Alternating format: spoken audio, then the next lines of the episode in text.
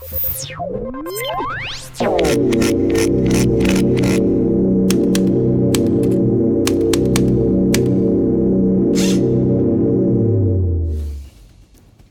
pozdravljeni v deseti epizodi počrto podcasta. E, danes mi ni treba težiti s to številko, zato je jih tako fina deseta epizoda in še poletna, pa še vse druge pridevnike lahko uporablja. Z vami sva Tato Polovec in Lenat Kučič, oba s podčrto. Danes bomo govorili o eni zelo obširni preiskavi, s katero se ukvarjamo počrto že več mesecev. Govorili bomo o kakovosti domov za starejše v Sloveniji.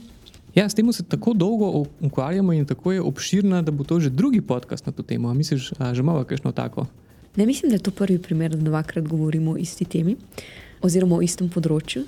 Pridružila se nam bo Tanja Pirnat, ki se s to temo ukvarja. Zdaj, s čimer se je ona ukvarjala v zadnjih mesecih, začeli smo še z analizo kakovosti domov za starejše, ker smo zbrali podatke, ki bi jih morala zbrati država.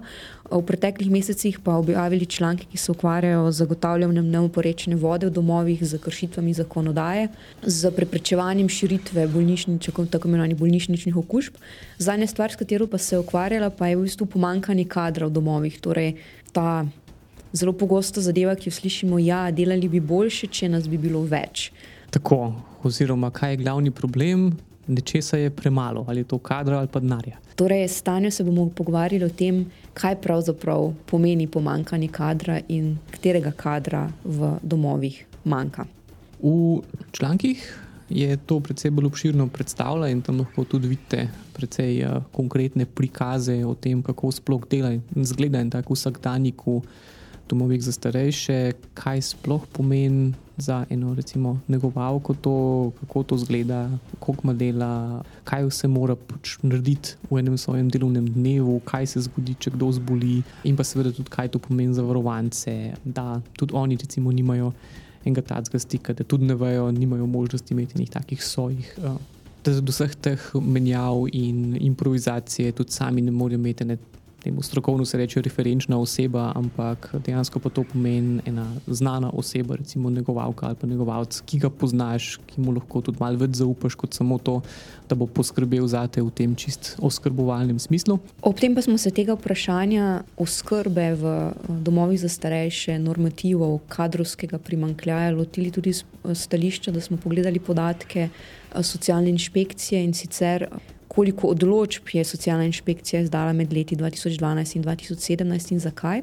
In ugotovili, da večinoma, v, pri večini kršitev gre dejansko za kršitve socialno-varstvene zakonodaje, ki se tiče prav normativov, izobrazbe ljudi, ki delajo v, v domovih in pa zagotavljanja oskrbe. Ja, skratka, da so ugotovili, da je ali ljudi premalo, ali pa da niso primerno izobraženi za delo, ki ga upravljajo. Pridružila se nam bo torej Tanja.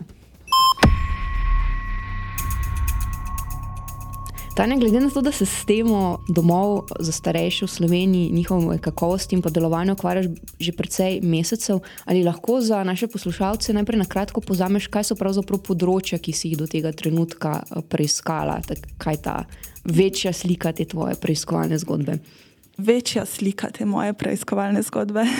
v bistvu ni večje slike, samo ena slika, ki se deli na, na področja. Jaz sem se torej odločila preiskati kakovost njega in oskrbe v domovih za starejše v Sloveniji. To je ena velika tema, ki, s katero se večinoma mediji, pa niti stanovalci ali svojci ne ukvarjajo preveč. Zato seveda sem naletela na, na veliko različnih aspektov tega.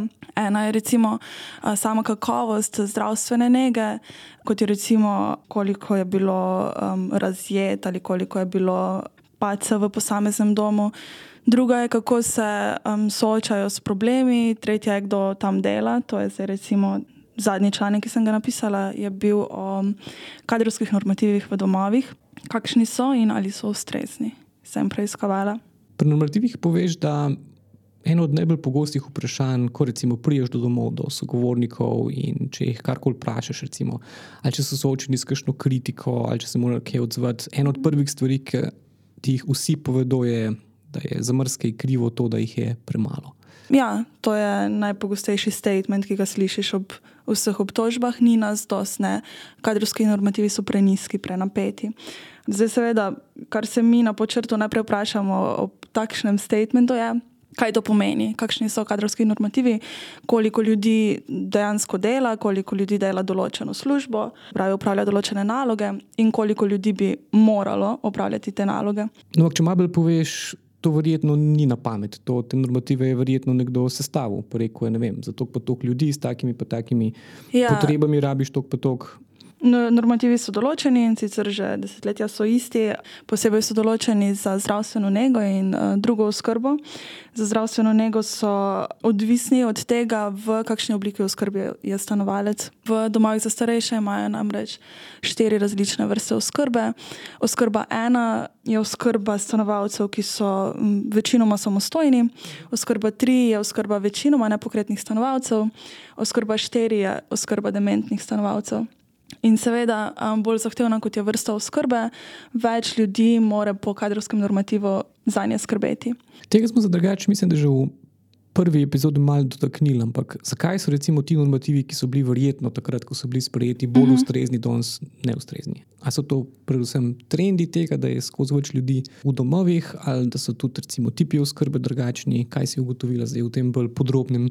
Um, ja, ja, eno je to, da domovi ne delujejo več na način, oziroma ali, ali pa se vse trudijo, najbolj moderni domovi, ne več delovati na način, kak, na kakršnega so delovali v preteklosti. V preteklosti so bili domovi za starejše bolj bolnišnično usmerjeni, oziroma bolj funkcionalno usmerjeni, kar je pomenilo, da, je šlo, da so bili tam zaposleni, pa še zdaj, no, je v večini domov ne vem, delo poteka na ta način, da so zaposleni oblečeni v uniforme, da um, se ta enega stanovalca skrbi več različnih bolničarjev, več različnih zdravstvenih tehnikov, več različnih ljudi in se tako menjava. Kar pomeni, da stanovalec, ki živi v domu za starostnike, živi kot v bolnišnici in ne kot v domu, se pravi, nima neke referenčne osebe, na katero se lahko obrne. Um, zdaj, seveda, nekateri domovi se trudijo, ampak zdaj, trenutno veljavni kadrovski normativi niso, ne podpirajo novejšega modela. Novejši model pa je v tem primeru ta, da ima stanovalec okoli sebe eno ekipo delavcev, zdravstvenih, socialnih delavcev ali pa delavcev, ki lahko upravljajo obe storitvi, ki bi za njih lahko poskrbel tako za zdravstveno, kot za, za njihovo socialno plat, pravi, da bi se z njimi pogovarjal, da bi z njimi sedel, da bi, da bi poskrbel za to, da bi se stanovalec počutil kot doma. Mhm, da bi na nek način imel svoje oskrbnike, no, pod narekovajem. Tako, da bi imel tam svoje ljudi, ki bi nadomeščali na nek način družinske člane. Mm. Kar je modern koncept, ki se v tujini že uveljavlja, pri nas pa, pa še ne. Zaradi tega in zaradi drugih razlogov.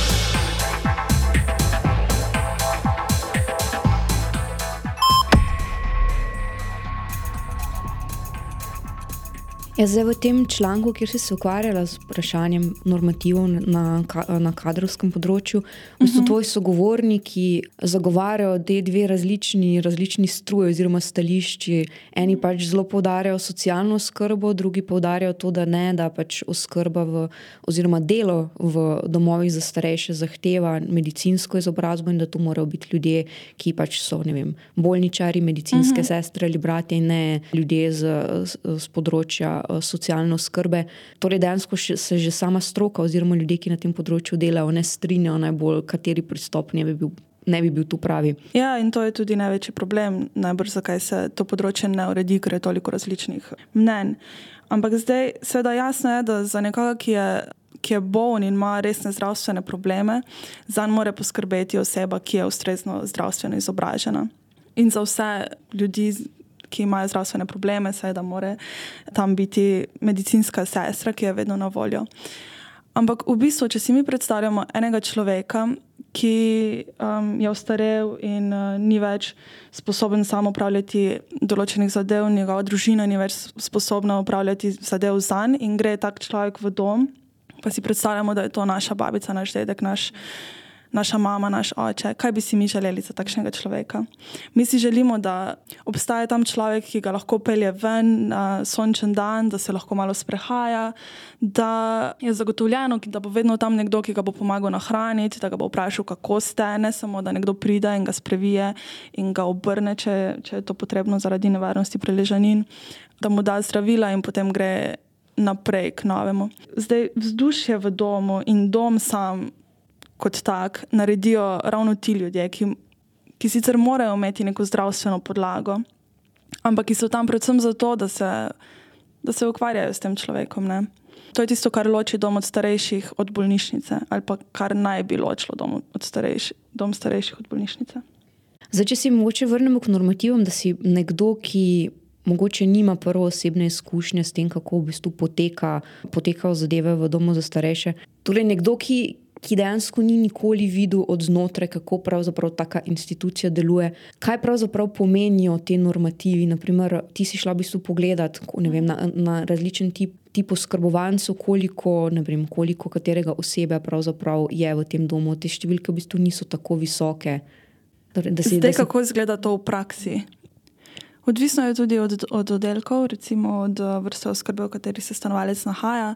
Še najbolje je poskrbljeno za dementne stanovalce, ker je tam normativ tudi najvišji. Pa se vseeno zna zgoditi, da nimajo nekega človeškega stika z, z bolničarko, z zaposlenimi. Še huje je pri, pri ostalih oskrbah, mogoče oskrba dva ali tri, ker um, so, so ljudje večinoma sami, kadar, kadar ni poskrbljeno za neke aktivnosti, ki mogoče so parkrat dnevno, ali pa morda so to tudi ljudje, ki ne morejo iti na te aktivnosti, pa jim potem ne preostane, nimajo veliko možnosti, kako izkoristiti svoj čas v domu, oziroma ne, ne vem, kako naj to povem. torej, ker mislim, ker če, če prav razumem, torej. Gre za to, naprimer, da bi potrebovali nekoga, ki bi jih vem, odpeljal iz njihove sobe na neko aktivnost ali pa bi, ki bi nekaj počel z njimi direktno. Tako je, ja. kot sem prej rekla, primankuje teh ljudi, ki bi, se, ki bi se z njimi družili, ki bi se z njimi pogovarjali. Zdaj, v tem trenutku, morda tudi zaradi zdravstvenega kadra, temu ni tako. Ne? Na eni strani so stanovalci, ki eh, se morda, eh, če je to še možno, ali svojco sprehajajo po hodniku ali kje sedijo. Po drugi strani so sestre v enem domu se je zgodilo, bile nekje druge.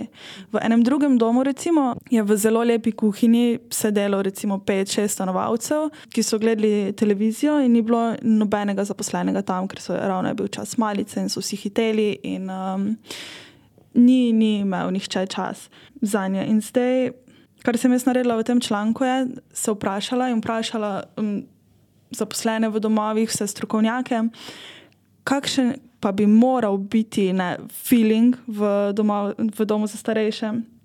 Ali je to primerno, da vem, ljudje sedijo sami, tudi po več ur dnevno, mogoče, ali pa bi moralo biti nekaj drugega, malo bolj sproščenega, malo bolj družabnega.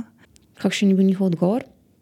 Odvisno, koga si vprašal. Za večino, kot sem začela, vsi priznavajo, da so normativi preniski ljudi rabimo več. Zdaj, koga rabimo, je pa odvisno. Eden izmed teh odgovorov je bil, da rabimo predvsem bolj fleksibilne normative, kar bi pomenilo, da ima dom lahko več opcij, koga bo zaposlil. In glede na to, kako se spremenja struktura stanovalcev, se lahko sam odloči, ali rabi več. Um, Bolničarjev ali morda za dementne rabi tudi kakšnega socialnega pedagoga ali rabi ne vem, kakšne druge profile ne vem, nekoga, ki je bolj zadolžen za socialno oskrbo, ker zdaj v tem trenutku pri, tega, pri nas tega ni veliko. Ampak kaj so tukaj glavni problemi, glede na to, da tudi večkrat opozarjaš, da vsi pravijo, da so vsi stoji sogovorniki pravijo, da so normativi neustrezni? Ali je tukaj mhm. problem predvsem tega, da se normativov ne spremeni, ali je tukaj spet kot pri večini takih zgodb eden od večjih problemov denar? Recimo, da če bi hotel dejansko imeti tako oskrbo, bi bilo to mnogo dražje kot zdaj, ampak se zdaj spet prerekajo različne inštitucije ali pa ministrstva, kdo naj to plača. Je ja. tukaj podobno. Glavni problem je, da so normativi preniski. Ne? Jaz sem zaključila s tem, ker so večini drugi začeli, dejansko jih je premalo.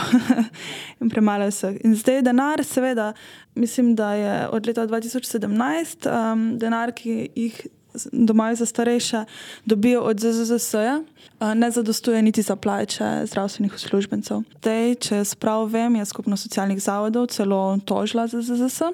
Se pravi, ja, denar je vsekakor ena, ena izmed uh, teh zadev. Ker ne, če domovi ne dobijo dovolj denarja za plače od, um, ZZS-ja in drug, drugod, morajo potem seveda dvigniti cene oskrbnin. Nekaj pa domovi sami. Ta, ta podatek mi je bil zanimiv že takrat. Priznam, da nisem vedel, da je ZZS tisti, od katerih domovi dobijo v bistvu tak velik del tega. Jaz sem skozi neko, ker nisem prej vedel, sem naivno mislil, da je to tudi del. Recimo proračunske ja, ja. porabe. Še vedno recimo, je ta del zelo nizek.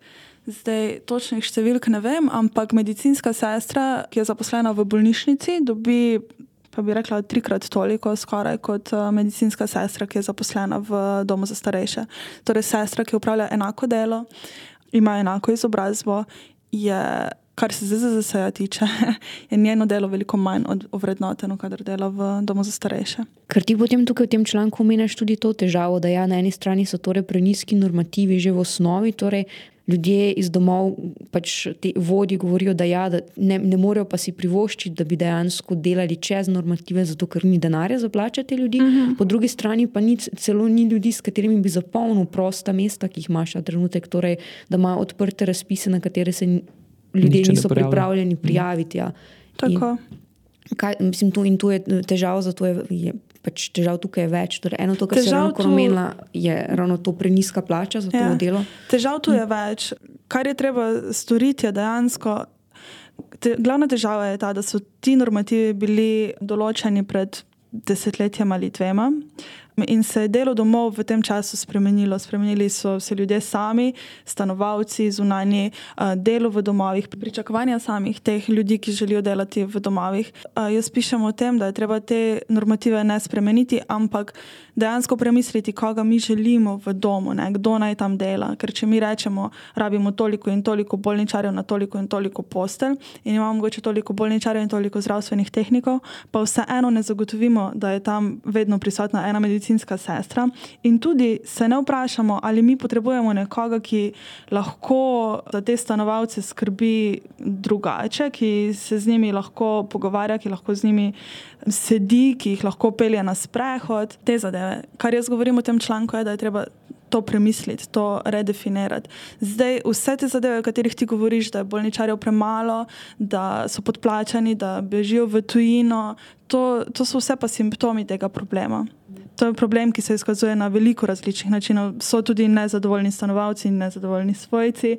To so vse problemi. Nezadovoljno osebe v domovih, ker morajo delati preveč. To so vse posledice enega, ene napake.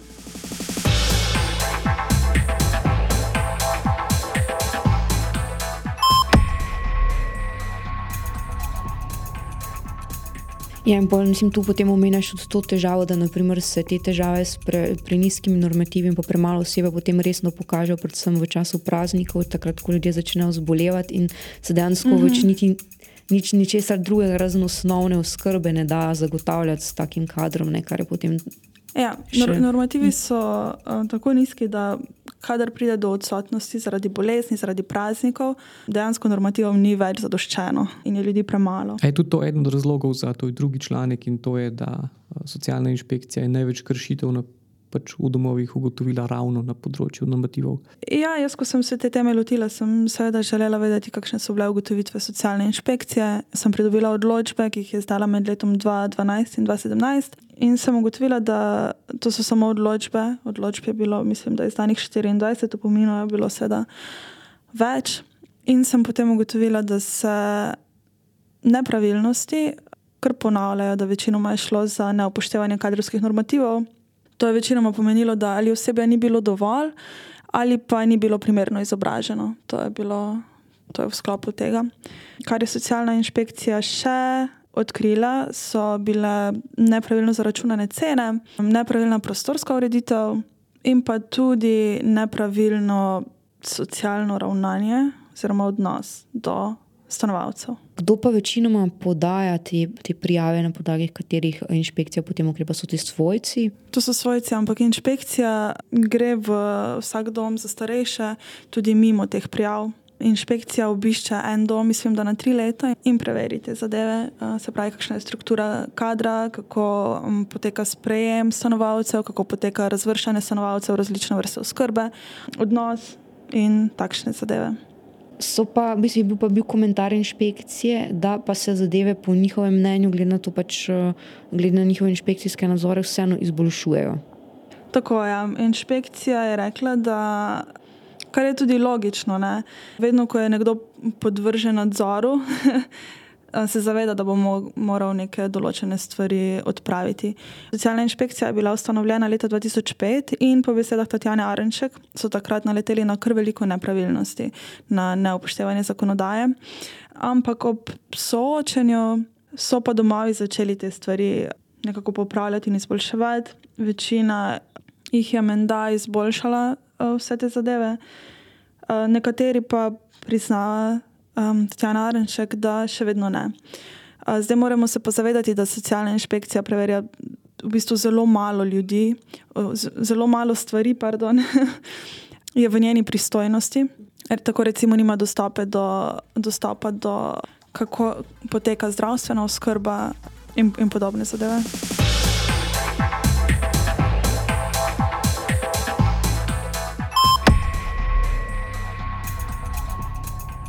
Koncu se več čas vrtimo okrog normativov. Normative določa država. Država se najverjetneje zaveda, da to je problem, ker je to najverjetneje tudi sogovorniki povejo. Ampak se kljub temu še zmeraj nič ne spremeni. Zakaj? Zakaj je dobro vprašanje? Na ministrstvu za delo pravijo, da je celo področje potrebno velike prevetritve. To, se pravi, to je področje uh, celotne dolgotrajne oskrbe. Dolgotrajna oskrba pa pomeni vsakršno dolgotrajno oskrbo. se pravi, oskrba za nekoga, ki to oskrbo potrebuje, kontinuirano daljše obdobje časa. To so recimo starostniki ali mlajše osebe, mlajše osebe ki zaradi invalidnosti, duševnih težav potrebujejo dolgotrajno oskrbo. Lahko je oskrba na domu, institucionalizirana oskrba, kar so tudi, se pravi, ta sklop. Spadajo tudi domovi ja. za starejše. Zakon o dolgotrajni oskrbi čakamo že nekje 15 let, in v okviru tega zakona naj bi se, naj bi se uredile vse, vse te težave, o katerih pišem že zadnje pol leta. No, ampak to je tako pogosta ugotovitev več teh naših tem, zato ker ugotovimo, da večkrat nam uradne ustanove rečejo, ja, ampak mhm. tega, to, prav tega problema ne moramo rešiti samega po sebi, ampak v okviru ene velike strategije, večjega problema, večje strategije.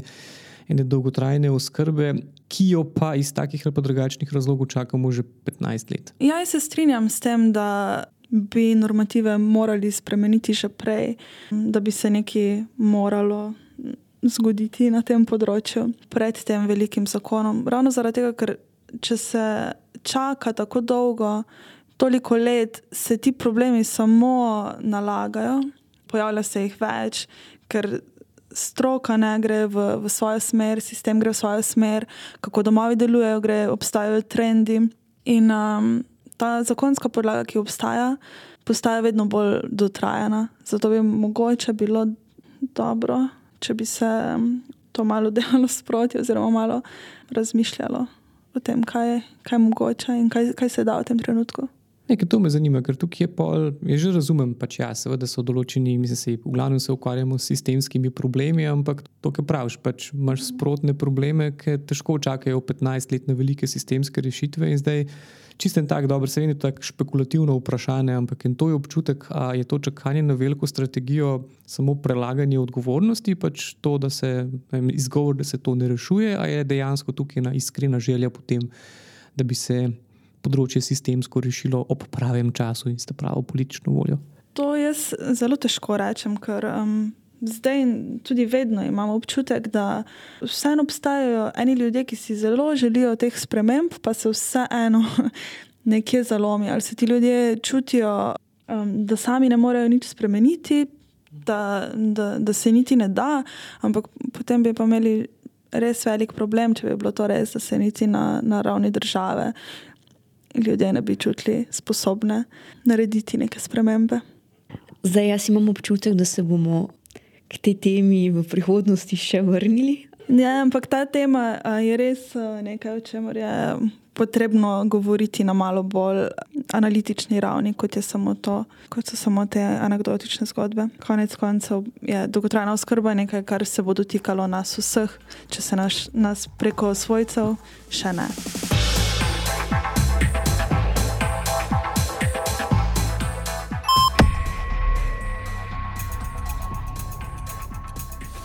Tema, o kateri smo pravkar drugič govorili, in še bomo zaradi tega, ker ima pač vprašanje uh, delovanja domov za starejše toliko različnih aspektov, ki jih je, treba, ki jih je potrebno analizirati in izpostaviti, je v bistvu po strukturi podobna tem večjim temam, ki jih delamo na počrtu že nekaj let, kot je naprimer kakovost slovenskega zdravstvenega sistema, pa kakovost delovanja socialne države, oziroma kje socialna država deluje dobro. Uh, ali ne. Tako da podobnih tem v bistvu lahko na počrto pričakujete v prihodnosti še kar nekaj. Ja, zaradi tega, ker jih je še veliko in tudi počasi, mislim, in, in jih bomo tudi sistematično odpirali v prihodnosti. Poleg teh naših že omenjenih megatem, si pa absolutno preberite še kakšne naše manjše ali pa recimo teme, o katerih smo tudi posneli kakšen podcast, od tega, zakaj ni dobro, da bojo računalniki nekoč iskali, pa že kar printali zaporne naloge za morebitne zločince na podlagi analize DNK-ja, zakaj je še zmeraj problem, da volimo politike, ki bi jih morali zapirati in podobne reči. Tako da to pa niso ravno lahkotne poletne teme, ampak jih lahko priporočamo zdaj včasih zraven kakšne socialne drame ali pa zraven kakšne poletne kriminalke, tega, ker tudi kakšne take. Najdejo se podobnosti. Najdejo se podobnosti tudi s kakšno poletno kriminalko. Včasih se najdejo podobnosti med preiskovalnimi zgodbami in dobro kriminalko. Ja. Tega sicer pri nas še nismo preizkusili, ampak eh, v Ameriki so imeli že dve leti en tak podcasting day oziroma dan promocije podcasta, ki so poslušalce podcastov prosili do besedno take reči, kot je izpulte svojemu prijatelju ali prijateljici telefon, pa namestite program za podcaste, pa dejte gor en par takih najbolj zanimivih podcastov, ki bi jih bilo fino poslušati in za kire mislite, da lahko spreobrnete nekoga v novega poslušalca. Zdaj nam bi bilo fino, če to naredite s črto podcastom, lahko pa naredite tudi kakšno drugo tako zadevo, da širite ta virus. In pa, ker živimo v svetu digitalnih platform in algoritmov, bomo zelo hvaležni, če vam je to, kar poslušate, všeč, da nas pohvalite tudi algoritmov, recimo na iTunesih in na podobnih teh platformah, ker nas dejansko ljudje potem lažje najdejo. Počrto smo Anžaj Boštic, Leonard Kučič, Rog Grča, Tanja Pirnat in Taja Topolovec. Zvok nam pa meša Milan Fas.